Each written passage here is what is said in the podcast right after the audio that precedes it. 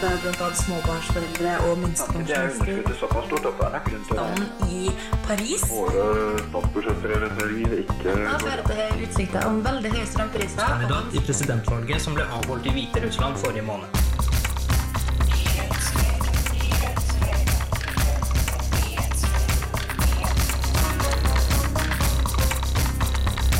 Nyhetsfredag.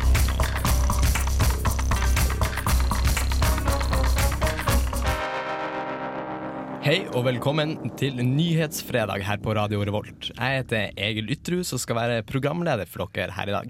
Og med meg i studio har jeg Ørjan Strømmen. God dag, god dag. Um, I dag så har vi en flott sending til dere. Vi skal eh, spille en, eh, en, et intervju med en idrettsfysiolog, og vi skal se at eh, ja, studenter trenger å trene mer. Og vi skal få besøk i studio av Åmund Aarvelta, som er studentingsleder.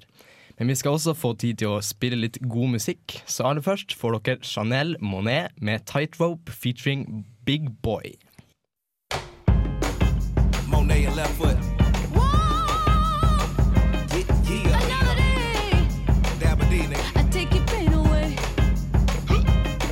Nyhetsfredag. Stemmer det, og kanalen er selvfølgelig Radio Revolt. Vi har eh, fått besøk i eh, studio her på Nyhetsfredag. Velkommen til deg, Årmund Årvelta, leder i Studenttinget. Tusen takk for det. Veldig hyggelig å være her. Um, ja, vi skal jo ta opp litt forskjellige temaer, studentrelaterte saker og forskningsrelaterte ting i dag. Men uh, vi kan jo begynne å snakke litt om, for dem som ikke helt er klar over det, hva er, er egentlig Studenttinget? Studenttinget er studentenes øverste politiske organ på NTNU. Det vil si at vi taler med alle studentenes stemme inn mot ledelsen, eh, og representerer studentene der, der det skal være studenter. I sentrale råd og verv og utvalg. Eh, og vi, på en måte, vi vedtar politikk eh, og fronter det inn mot ledelsen og er et slags politisk organ. Og dere, dere er jo, velges jo hvor ofte? Velges hvert år. Hvert Hver år. høst så velger vi nytt studentting. Eh, sitter du nå for en, ett år, da? Ja, jeg er leder fra januar nå til ut desember eh, 2010. Ja. Um, st dere i Studenttinget, er dere bare for NTNU, eller er dere for andre, ja, HIST og Nei, det er bare for NTNU. bare NTNU? Eh, på HIST så har de studentparlamentet, eh, som er tilsvarende oss der. Vi samarbeider mye om dem, med dem, særlig når det gjelder ting som gjelder Trondheim, eh, og, og ting vi har felles, nasjonalt og regionalt og sånt. Men det som går spesifikt på de forskjellige institusjonene, det er vi alene om, da. Hvordan eh, saker er det dere syns er viktigst i Studenttinget nå for tida? Eh, Og nå for tida jobber vi med mye forskjellig. Eh, Vi jobber mye med sammenslåinga av NSU og STL, som jeg tror vi skal snakke litt mer om seinere. Og vi jobber, vi jobber mye med sånn organisatoriske ting på NTNU. Man driver med internhusleie, f.eks., som vil ha stor påvirkning på antall studentarbeidsplasser. Eh, det er noe som opptar oss. Vi er ute etter å forsvare de arbeidsplassene som finnes i dag, og kanskje utvide det. Ja, fordi dere står på en måte på studentene sin side ved, ved spørsmål på NTNU. Ja, vi er studentene Dere er, dere når, det kommer, eh, når det kommer spørsmål på NTNU. Eh, Og det er vår oppgave å sørge for at alle studentene blir hørt, og at, og at ledelsen på NTNU får høre hva studentene mener. Ja, man kan nesten si at dere er studentene sine folkevalgte. Ja, det er vi absolutt. Em, vi skal, eh, etter vi har fått hørt litt eh, mer musikk, så skal vi eh, snakke om sammenslåing av NSU og STL. Men aller først får dere Freeway and Jake One med She Makes Me Feel Alright.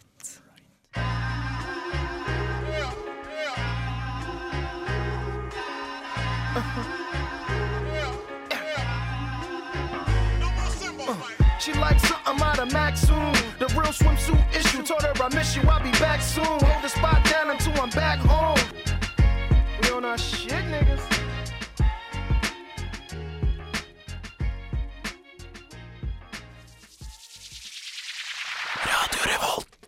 Du hører på Nyhetsfredag, og studentingsleder Åmund Aarvelta er med oss i studio.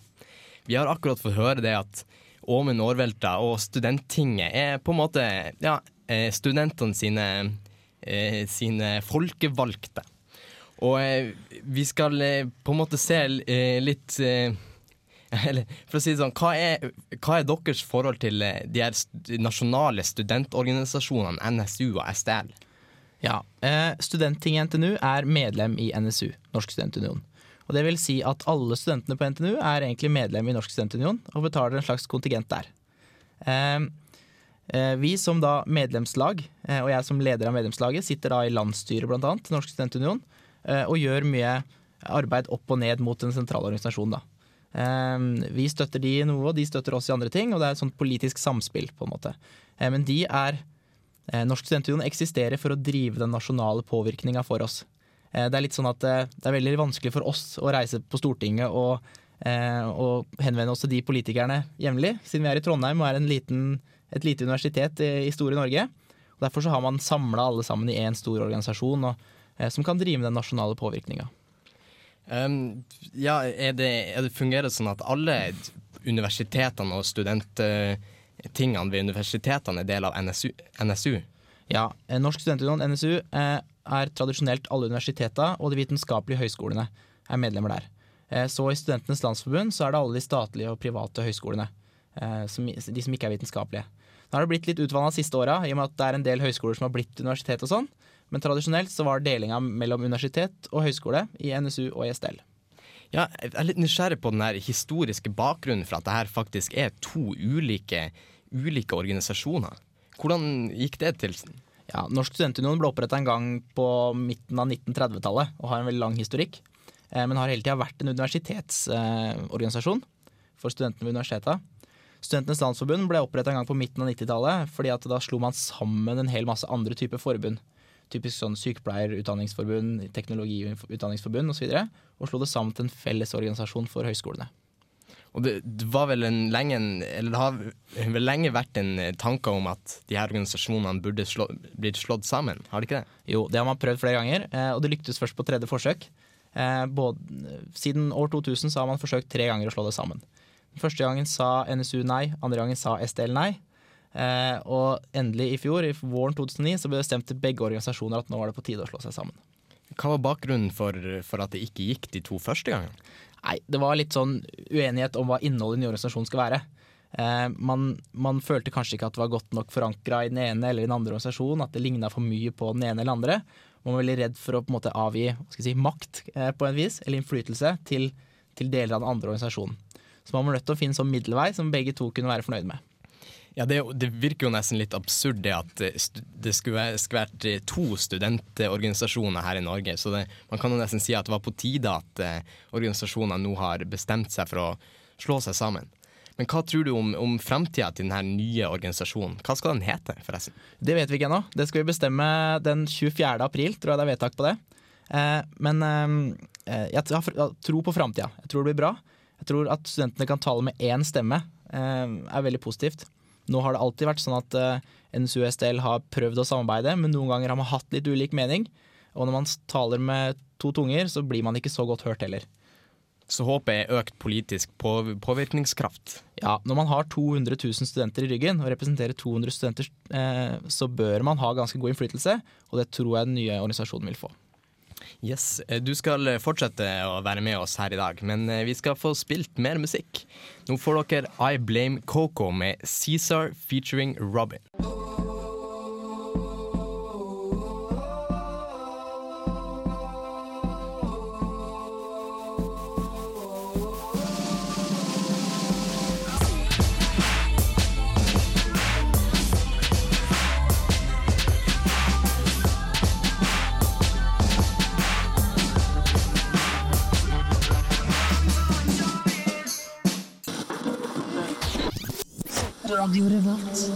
Du hører på Nyhetsfredag, og med oss i studio har vi Amund Aarvelta. Det kom jo en eh, rapport i går som heter Handlingsromrapporten.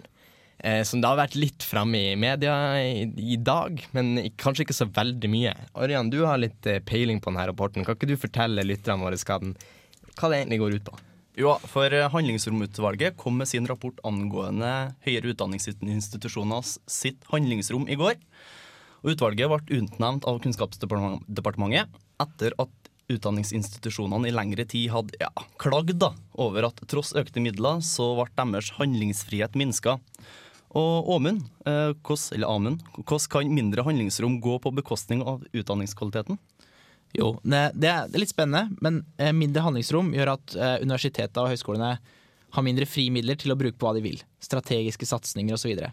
så for å utvikle institusjonen, så må de spare et eller annet sted for å ha penger til å bruke og satse på noe nytt. Og det er veldig lett å kutte i utdanningstilbudet.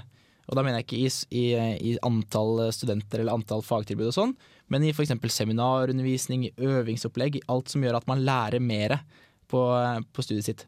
Eh, Sånn at det som er på en måte kvaliteten i utdanninga vår, den kontakten vi har med professorer, med forelesere osv., tida der vil kanskje bli kutta ned og vil gjøre at det er, det er dårligere kvalitet rett og slett på den utdanninga vi får, hvis eh, universitetet må spare penger. Ja, for at eh, De siste årene så har jo eh, bevilgningene bare økt, men sånn som i eh, 2006 så var den andelen frie midler på 30% mens i 2007 så var den da bare på 5 Så det betyr jo at det større andel av de eh, frie midlene er Eller større andel av går til spesifikke program. Og, eh, men hva kom det handlingsrapporten fram til? Nei, De kom vel fram til at man, man ønsker et større handlingsrom. Eh, og det er ønskelig med større handlingsrom for at eh, sektoren skal kunne utvikle seg. Men eh, gru, litt av grunnen til at handlingsrommet er så snevert som det er, er at det er veldig mye øremerka ting fra, fra departementet og, og inn til institusjonene. Institusjonene ønsker på, en grad å ta større strategiske valg selv. Eh, og har, ha litt frihet til å, til å bruke de pengene de, og midlene og ressursene de har. Ja, så, så det her bunner rett og slett i at, i at eh, når, eh, når regjeringa og staten på en måte ber om spesifikke forskningsprogram, så, så gir de ja, forskningssektoren en viss mengde penger, men, men ikke på en måte nok til å dekke he, hele den, den forskningen de ber om. Er ikke det riktig? Ja. Jo, det stemmer. De får bare en liten del av Så de må bruke resten av frie midlene sine på å dekke opp de uh, forskningene som de er pålagt til å gjøre, og det blir jo da kjipe greier. Og tror du, eh, Åmund, at, eh, at, at det gis på en måte en for stor andel eh, Eller for en liten andel frie midler og litt for mye sånne øremerka midler? Ja, absolutt. Jeg mener andelen frie midler må opp. Men det er mange ting her som er spennende. Blant annet du nevnte forskning. Så er det sånn at eh, når man eh, leverer forskningsresultater i dag, så får man penger per publikasjonspoeng. Eh, veldig sånn komplekst system. Men den potten er konstant. Så det vil si at hvis NTNU gjør det veldig bra på forskning, så er det ikke sikkert vi får noe mer penger hvis eh, de andre universitetene også gjør det veldig bra det året. For at den potten er på en samme sum, og så er man relativt sett i forhold til hverandre henter ut penger. Ergo så, så premierer det mer eh, Det er ikke gitt at det premierer god innsats et år. Eh, og det er også noe som utvalget kritiserer litt. Så det, altså, det her er en av de tingene utvalget vil gjøre noe med. Hva, er- hvordan har, eh, har forskningsministeren reagert på, på denne rapporten? Er hun enig med at det her eh, burde man gjøre noe med? Ja, Tore Aasland sa vel at eh, utvalget hadde vært litt feigt. Eh, utvalget var sammensatt av folk fra sektoren. eh, og de var veldig flinke til å påpeke hva de mener at eh, Kunnskapsdepartementet og andre eh, skulle gjøre med saken. Eh, kanskje ikke så flinke på å si hva de selv kunne bidra med. Eh, og det var vel det Tor Aasland var ute og kritiserte. Eh, men jeg, jeg, har, jeg har ikke vi har ikke helt sett konsekvensen av rapporten ennå. Hvem tar den til seg, hvem gjør noe med det? Eh, og det blir spennende å se i nærmeste tida. Hva med du, Tru? Er du enig med eh, at eh, rapporten har vært litt for feig? Nei, egentlig så er jeg ikke det. Jeg syns rapporten peker på faktiske realiteter, og det var som vi hadde venta på forhånd. Eh, Det var akkurat de resultatene de kom fram til. Eh, Og mye av det ansvaret ligger på Kunnskapsdepartementet. Så tror du Kunnskapsdepartementet faktisk kommer til å eh, kommer til å høre på denne rapporten, eller er det noe de kommer til å skyve til sida av sida enn det er en annen tykk bunke med papirer? Jeg håper de hører på den. Det var de som bestilte den, eh, og jeg håper de kommer til å bruke den. Eh, Ellers har det vært mye bortkasta arbeid for mange mennesker. Yes. Vi skal høre på litt mer musikk her på Nyhetsfredag. Nå får dere Cypress Hill med 'Hits From The Bong'.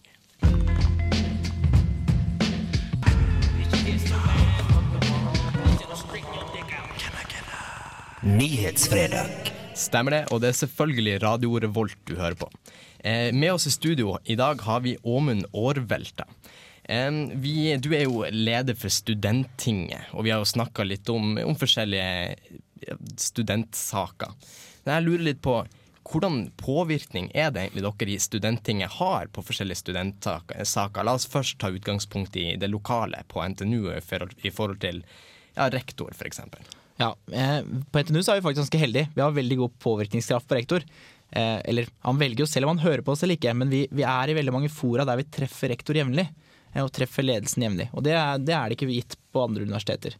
Vi sitter bl.a. i noe som kalles dekanmøte, som er rektors ledergruppe. Der alle dekanene og rektoratet møtes, der sitter det to studenter. Og Da kan vi fremme våre saker og snakke direkte til ledelsen på NTNU. Eller så kan vi, vi kan bruke andre typer politiske arenaer. Vi kan gå ut i media om en ting. Eh, det har ofte veldig stor kraft. Hvis, eh, hvis jeg kommer inn i Adresseavisa og eh, slår i bordet med et eller annet at dette mener studentene, så, så blir det eh, liksom mer sånn påtvunget at han må høre på oss. Eller, ja. Ja, så, eh, så du opplever at, at ledelsen ved NTNU tar dere på alvor? Ja, det gjør jeg absolutt. Jeg tror de ser på oss som en nyttig partner òg. Fordi at man har et annet perspektiv når man er student. Man tenker ikke bare, bare tall og, eh, og, på, og prosenter. Man tenker litt sånn eh, man tenker som en student, da, og det er positivt inn i mange av de prosessene ledelsen driver med. Og de er veldig interessert i å ha oss på lag eh, og være med i alle prosessene, sånn at de slipper kanskje å få oss i opposisjon seinere. Ja, har du noen på en måte historiske eksempler på saker Studenttinget har hatt stor innvirkning på? Ja, man gjorde, man gjorde fremstøt mot noe som het gjentaksregelen for en stund siden. Eh, Det ble veldig mye blest rundt. Ellers er kanskje det, det som er det hetest nå, er X-Fil, rett og slett. Eh, Det, det- skal vi eh, gå litt nærmere inn på eh, litt senere, men eh, hva med det her med, med multiple choice-eksamen? Det er jo et spørsmål dere i Studenttinget har engasjert dere for, er det ikke det? Jo, absolutt. Der gjorde man eh, ganske mye i fjor vår. eh, Da man eh, tok tak i hva skal jeg si, de her lette emnene, som man kaller det. Multiple choice-eksamener. Um, og det viste seg at uh, når man fikk media på det, og man fikk fronta det her i lette emner, så ble det, det ble noe NTNU måtte gjøre noe med. Uh, for det, det gikk utover ryktet deres, og det, det var ikke positivt. Og det var en sak som studentene løfta. Ja, jeg personlig så eh, I fjor så var jeg meldt opp til to eksamener som jeg ikke verken kjøpte bøker til eller var på forelesninger til, og kunne bare rett og slett ta bussen opp til Dragvoll, gå opp til eksamen og stå. Så det er jo en grunn til at de her eh, kalles for 60-kronersfagene.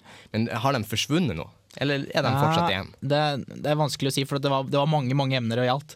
Eh, en del er siste gang nå i vår, eh, vet jeg. Eh, en del av de eh, psykologiemnene som det var snakk om i den mediasaken i fjor, blant annet, eh, blir borte nå som multiple choice eh, neste år.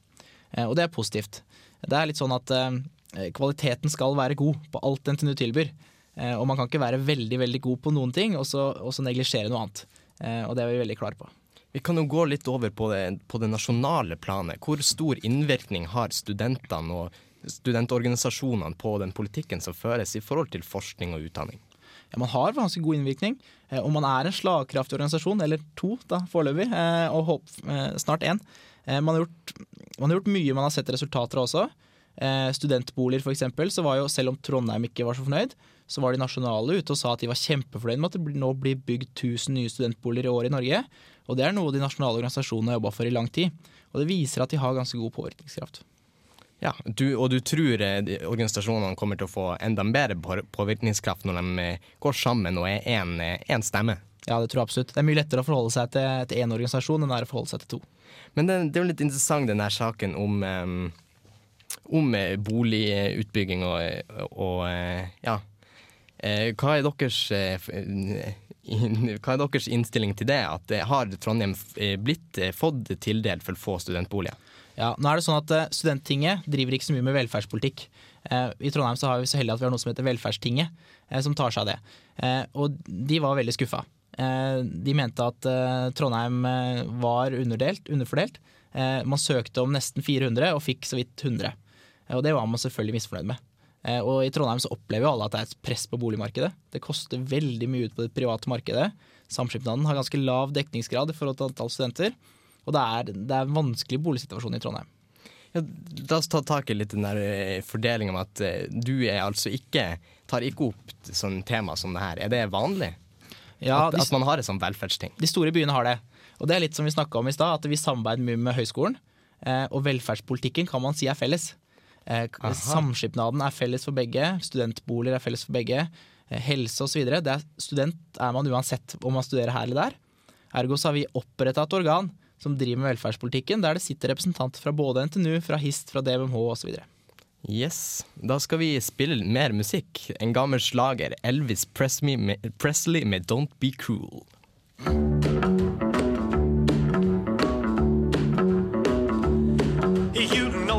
can be found sitting home all alone. If you can't come around, at least please tell the phone. Don't be cruel to who heart is true. I don't want no other love, baby. It's just you I'm thinking of. Radio Revolt. Og du hører på Nyhetsfredag. Og eh, vi har studenttingsleder studentingsleder Amund Aarvelta med oss i studio. Eh, En av de sakene du har fortalt at dere har oppe i Studenttinget nå for tida, er X-Fill. Eh, Den skal revurderes, eh, X-Fill-ordninga her på NTNU, er ikke det riktig? Jo, det er veldig riktig. Eh, X-Fill er jo noe som alle studenter på NTNU har et forhold til. Alle må ha det, alle har hatt det. Eh, man har folk som er veldig for og folk som er veldig imot, og det er mye følelser knytta til X-Fill. Eh, I 2007 så tok Studenttinget opp X-Fill eh, og mente at dette burde man gjøre noe med. X-Fill er lite relevant, det er mange som ikke får noe utbytte av X-Fill i det hele tatt. Og NTNU burde se litt på hvordan de kunne gjøre X-Fill mer spennende og mer relevant. Ja, Hvordan skal man gjøre det mer spennende og relevant? Ja, det man har gjort er at man, har ikke, man har ikke gjort om selve innholdet i X-Fill så mye. Eh, nå er selvfølgelig her bare et forslag foreløpig, eh, men man har tenkt å lage forskjellige utgaver av X-Fill, som gjør at man har eh, innholdet i X-Fill er mer pensa inn på det du skal studere. Sånn at det vil være én X-fil-variant for de som skal bli sivilingeniører, én en X-fil-variant for de som studerer humaniora, en X-fil for de som samfunnsvitenskap osv. Det er snakk om fire varianter. Eh, medisin er den fjerde. Eh, og som skal, gjøre det, som skal gjøre at man ser relevansen i studiet opp mot X-fil-emnet. Men eh, hvordan, hvordan skal dette gå for seg? Jeg mener, er ikke, er ikke filosofihistorie den samme uansett hva du studerer? Ja, men det er litt innhold i det. Sånn som For teknologene så vil det kanskje være mer naturlig å ha mer vitenskapshistorie. Det er mer om Newton og, og, og de tidlige gutta der, holdt jeg på å si. Mens det for eh, andre vil være snakk om mer etikk, som f.eks. på medisin. Eh, kanskje vil være retorikk i samfunnsvitenskapene. Altså Ting som ligger inne i X-Fil allerede, men som man opphever eh, og utdyper litt og gjør mer relevant for de forskjellige studiene.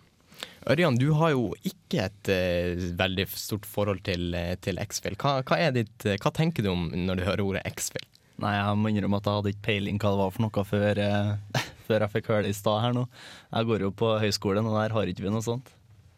Ja, hva, hva du syns om det, Amund? Syns du Altså, det, er jo et, det har jo vært et slags prinsipp, eller man har eh, argumentert for det, at hvis man skal studere i høyere utdanning, så skal man ha X-Fill. Det er på en måte et Man skal kunne dra de på en måte de filosofiske linjene, videre.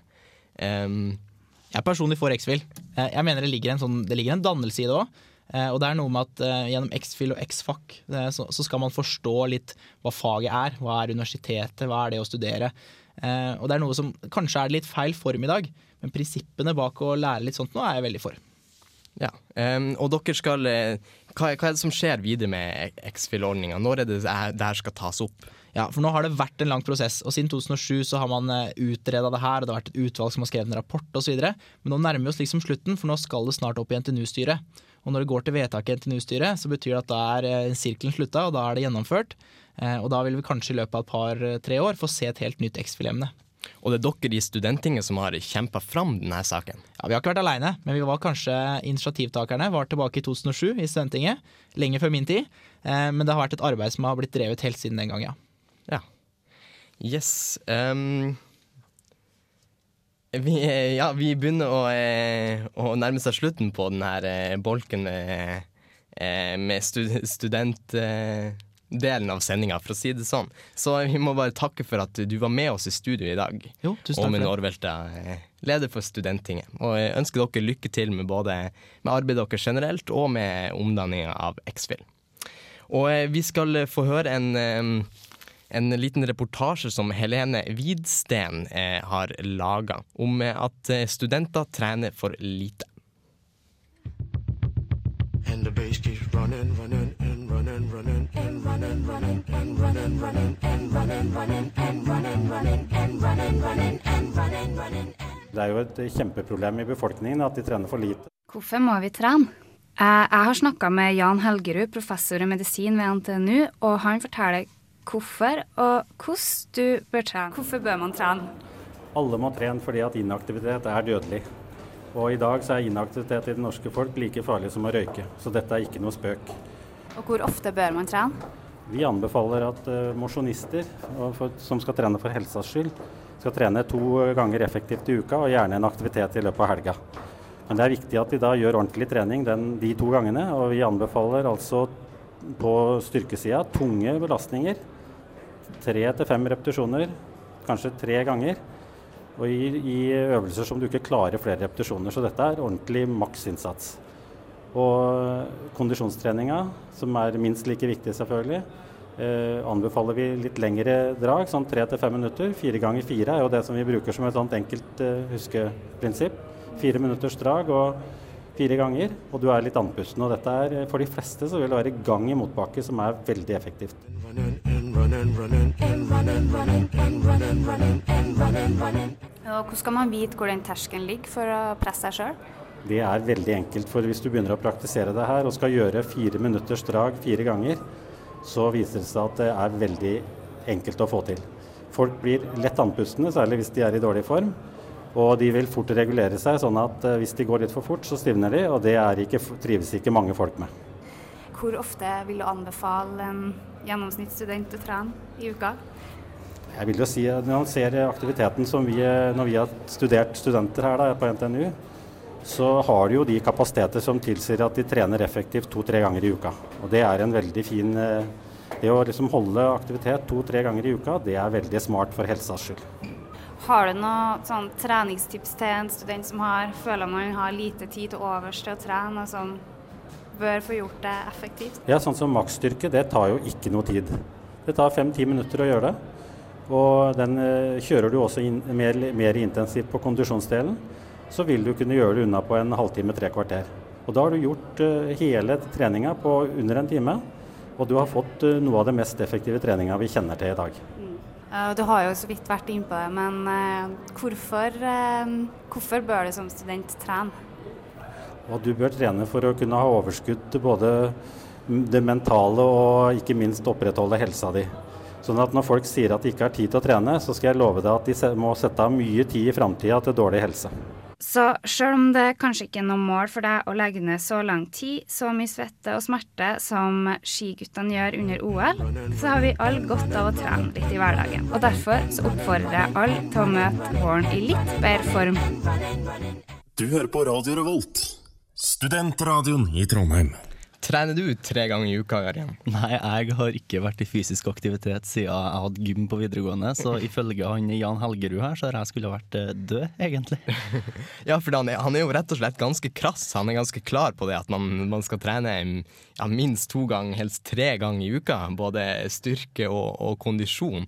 Tror du det her er noe gjennomsnittsstudenten faktisk gjør? Nei, jeg vet ikke, men eh, ifølge han altså, er min mangel på, eh, på trening tilsvarer en uh, to 20-pakninger med røyk hver dag, og det høres jo skummelt ut, vil jeg påstå. Det høres enormt ut.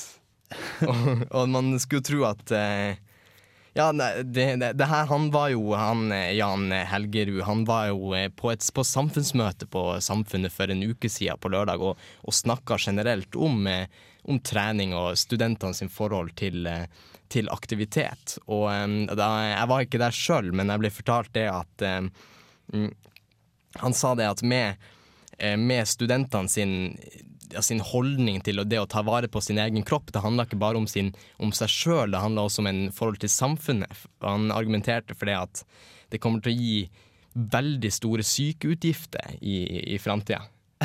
Hva, hva tenker du om det? At, eh, at, tror du du kommer til å være en belastning for, eh, for syke, sykesektoren i framtida, Ørjan? Ja, jeg får, eh, jeg får eh, skaffe meg en god jobb, da, så jeg kan rettferdiggjøre det med å betale mye skatt de eh, første 20-40 årene.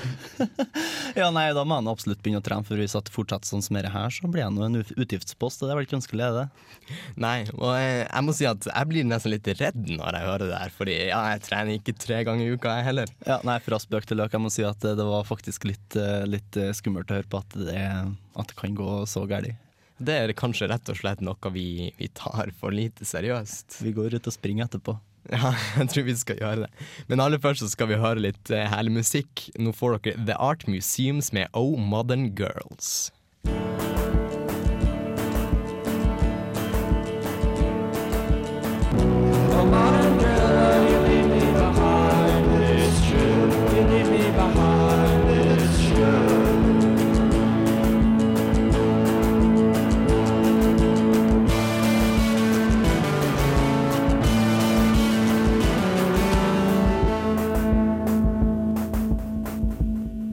Radio Revolt. Jeg oppfatter det ikke som noe stort problem at dagens ordning er som den er.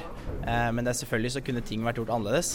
Vi ser jo det at det, det er mye søppel og mye, mye bråk på stripa, mye kanskje unødvendig eh, påtrykk på studentene. da. Men jeg tror alt i alt så tror jeg de fleste studenter tenker at eh, ja, ordningen sånn som den er i dag, er grei. Synes du markedsføring av forbruksvarer hører hjemme på NTNU sitt område? I utgangspunktet så er jeg litt skeptisk til det, men det er studentenes eget valg om de tar imot produkter eller om de velger å benytte seg av de markedsføringstilbudene som er her. Eh, og jeg tror vi må tenke litt pragmatisk på det, og de aller fleste studenter er glad for å få litt, eh, litt snacks i en pose en gang iblant, og litt, eh, litt sånn krydder i hverdagen og litt ekstra. Så med dagens nivå så synes du det er greit? Du ser ikke noen prinsipielle ja, motsetninger mot å la private bedrifter driver med ren markedsføring av forbruksvarer på NTNU sitt område? Eh, hvis, hvis, det øker veldig i skala, så tror jeg vi må ta en prinsipiell diskusjon på det. For det er et vanskelig tema. Hvis man skal begynne å sette grenser, så, så, må man definere veldig mye. Men sånn som det er nå, så tror jeg ikke noen oppfatter det som et problem. Hvis det kommer til å øke i volum, så tror jeg vi må ta den diskusjonen ganske nøye. Hva synes du om tirsdagens utdeling av de her studentposene eller studentpakkene? Syns du det overskrider noen grenser? 15 000 poser på NTNU sitt område? Ja, Det overskrider mer i, sånn, i mine øyne mer miljøgrenser og litt sånne ting enn det gjør akkurat markedsføringsmessig. Eh, fordi det er, det er enormt volum med, med, ting de deler ut, eh, og veldig mye går rett i søpla. Men jeg tror mange studenter er veldig glad for de posene. Man ser jo folk går frem og tilbake for å ta flere poser, og det er veldig sånn eh, veldig stemning rundt det.